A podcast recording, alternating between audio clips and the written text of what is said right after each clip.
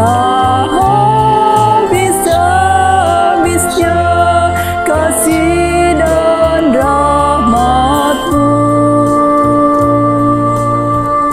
Selalu baru dan tak pernah terlambat pertolonganmu. Besar setiamu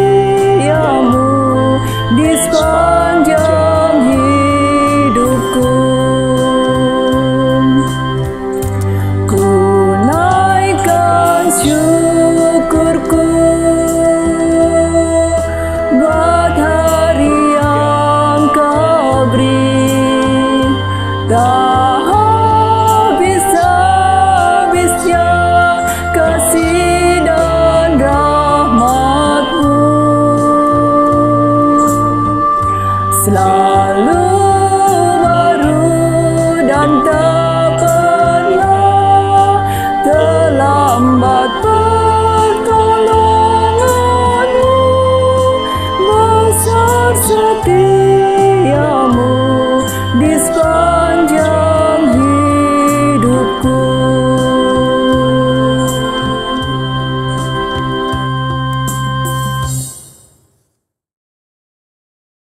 Shalom, selamat pagi Bapak Ibu dan saudara-saudari sekalian yang terkasih dalam nama Tuhan Yesus Kristus. Di pagi yang indah ini, kita akan mencari perkenanan Tuhan dan kita mau cari hadirat Tuhan untuk kita bisa memulai menjalani kehidupan yang Tuhan beri sepanjang hari ini. Kasih setia Tuhan seperti mentari yang tak pernah berhenti bersinar. Itulah kesetiaan Tuhan yang bisa kita alami sepanjang hidup kita. Mari kita akan siapkan hati kita, kita akan berdoa. Bapa yang baik, yang penuh dengan kasih, terima kasih ya Bapa, Engkau sudah bangunkan kami di pagi hari dengan tubuh yang sehat, tak kurang suatu apa pun. Itu suatu anugerah Tuhan di dalam hidup ini. Bapa yang baik, sebelum kami melanjutkan aktivitas panjang hari ini, kami rindu Tuhan, Engkau berbicara kepada kami untuk kami pakai firman-Mu sebagai bekal untuk menjalani kehidupan ini. Bapa, jadikan kami hamba-hambamu yang berkenan di hati Tuhan. Bapakku, sebelumnya ya Bapa, kami rindu Engkau urapi hambamu, Bapak Angga, supaya bisa menyampaikan isi hati Tuhan kepada kami. Dan urapi kami semua ya Bapa yang akan mendengarkan firman-Mu. Berbicaralah ya Bapa, kami siap untuk mendengar suaramu. Di dalam nama Tuhan Yesus Kristus. Amin. Saudara-saudaraku, tema yang diberikan pada hari ini adalah berdosa terhadap dirinya sendiri. Terdapat dalam 1 Korintus 6 ayat 12 sampai 20. Namun saya akan membacakan 1 Korintus 6 ayat 17 dan 18 saja. Demikianlah firman Tuhan. Tetapi siapa yang mengikatkan dirinya pada Tuhan menjadi satu roh dengan Dia. Jauhkanlah dirimu dengan percabulan setiap dosa lain yang dilakukan manusia terjadi di luar dirinya. Tetapi orang yang melakukan percabulan berdosa terhadap dirinya sendiri. Demikianlah firman Tuhan. Amin. Bapak Ibu, saudara-saudari yang dikasihi Tuhan, kasus-kasus percabulan sangat mudah ditemukan di berbagai media massa belakangan ini, baik media massa cetak maupun media massa elektronik. Berbagai kasus dengan bermacam-macam motif, pelaku, dan situasi. Ada yang pelaku dan korbannya adalah saudara sendiri, kerabat, kenalan, atau orang-orang yang baru saja dikenal melalui media sosial. Dari zaman ke zaman, dosa percabulan memang selalu ada dan mengemuka. Hal tersebut sesungguhnya sangat menyedihkan dan memprihatinkan. Seolah masih seperti pada zaman Rasul Paulus yang menghadapi situasi serupa dalam kehidupan masyarakat di kota Korintus. Thomas Aquinas pernah memberikan nasihatnya tentang percabulan demikian.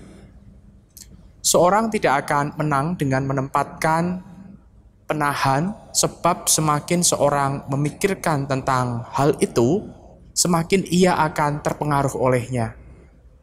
Ia akan menang jika ia lari daripadanya, yaitu dengan menghindari pikiran-pikiran yang cemar itu sepenuhnya, dengan menghindari semua kesempatan untuk berbuat dosa. Thomas Aquinas ingin menyatakan bahwa upaya bebas dari jebakan percabulan tidak bisa setengah-setengah, melainkan harus radikal dengan sungguh-sungguh meninggalkan hasrat berdosa itu. Rasul Paulus memberikan nasihat yang penting kepada jemaat di Korintus berkaitan dengan percabulan. Paulus mengingatkan bahwa tubuh adalah untuk Tuhan, anggota Kristus, dan bait roh kudus. Paulus memberikan gambaran yang tegas dan gamblang bahwa jemaat Tuhan harus menolak percabulan Bahkan ada kalimat yang krusial ketika Paulus menyatakan bahwa setiap dosa lain yang dilakukan manusia terjadi di luar dirinya. Tetapi orang yang melakukan percabulan dosa terhadap dirinya sendiri. Nasihat tersebut wajib mendapatkan perhatian yang serius bagi keluarga-keluarga Kristen dan setiap anggota keluarga di dalamnya. Dosa percabulan membawa konsekuensi mencemari bait Roh Kudus dan menjauhkan dari kesatuan roh dengan Kristus. Dunia semakin memberi ruang dan kesempatan bagi praktek percabulan. Oleh karena itu, setiap keluarga Kristen harus lari dari jebakan percabulan dan sungguh-sungguh meninggalkannya. Dosa percabulan selalu ada, tetapi keluarga-keluarga Kristen harus menolak dengan cara lari daripadanya. Mari kita berdoa.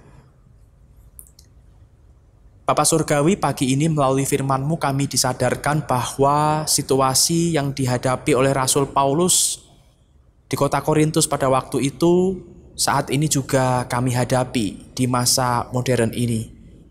Dosa percabulan masih kami jumpai dan menjadi tantangan bagi kami semua ketika kami berkomitmen untuk hidup kudus di hadapan Tuhan. Maka pagi ini kami mohon kepadamu kiranya Tuhan mampukan kami agar kami dapat menghadapi dosa percabulan itu. Seperti yang dikatakan oleh Thomas Aquinas, kami harus lari daripadanya, tidak memberikan ruang dan kesempatan sedikit pun supaya kami tidak terjebak jatuh ke dalamnya. Inilah kami anak-anakmu yang belajar untuk menjaga kekudusan hidup. Kami mohon pertolongan dari roh kudus. Di dalam nama Tuhan Yesus kami berdoa, Amin. Selamat pagi, selamat berkarya, selamat mengusahakan hidup kudus di hadapan Tuhan. Tuhan memberkati.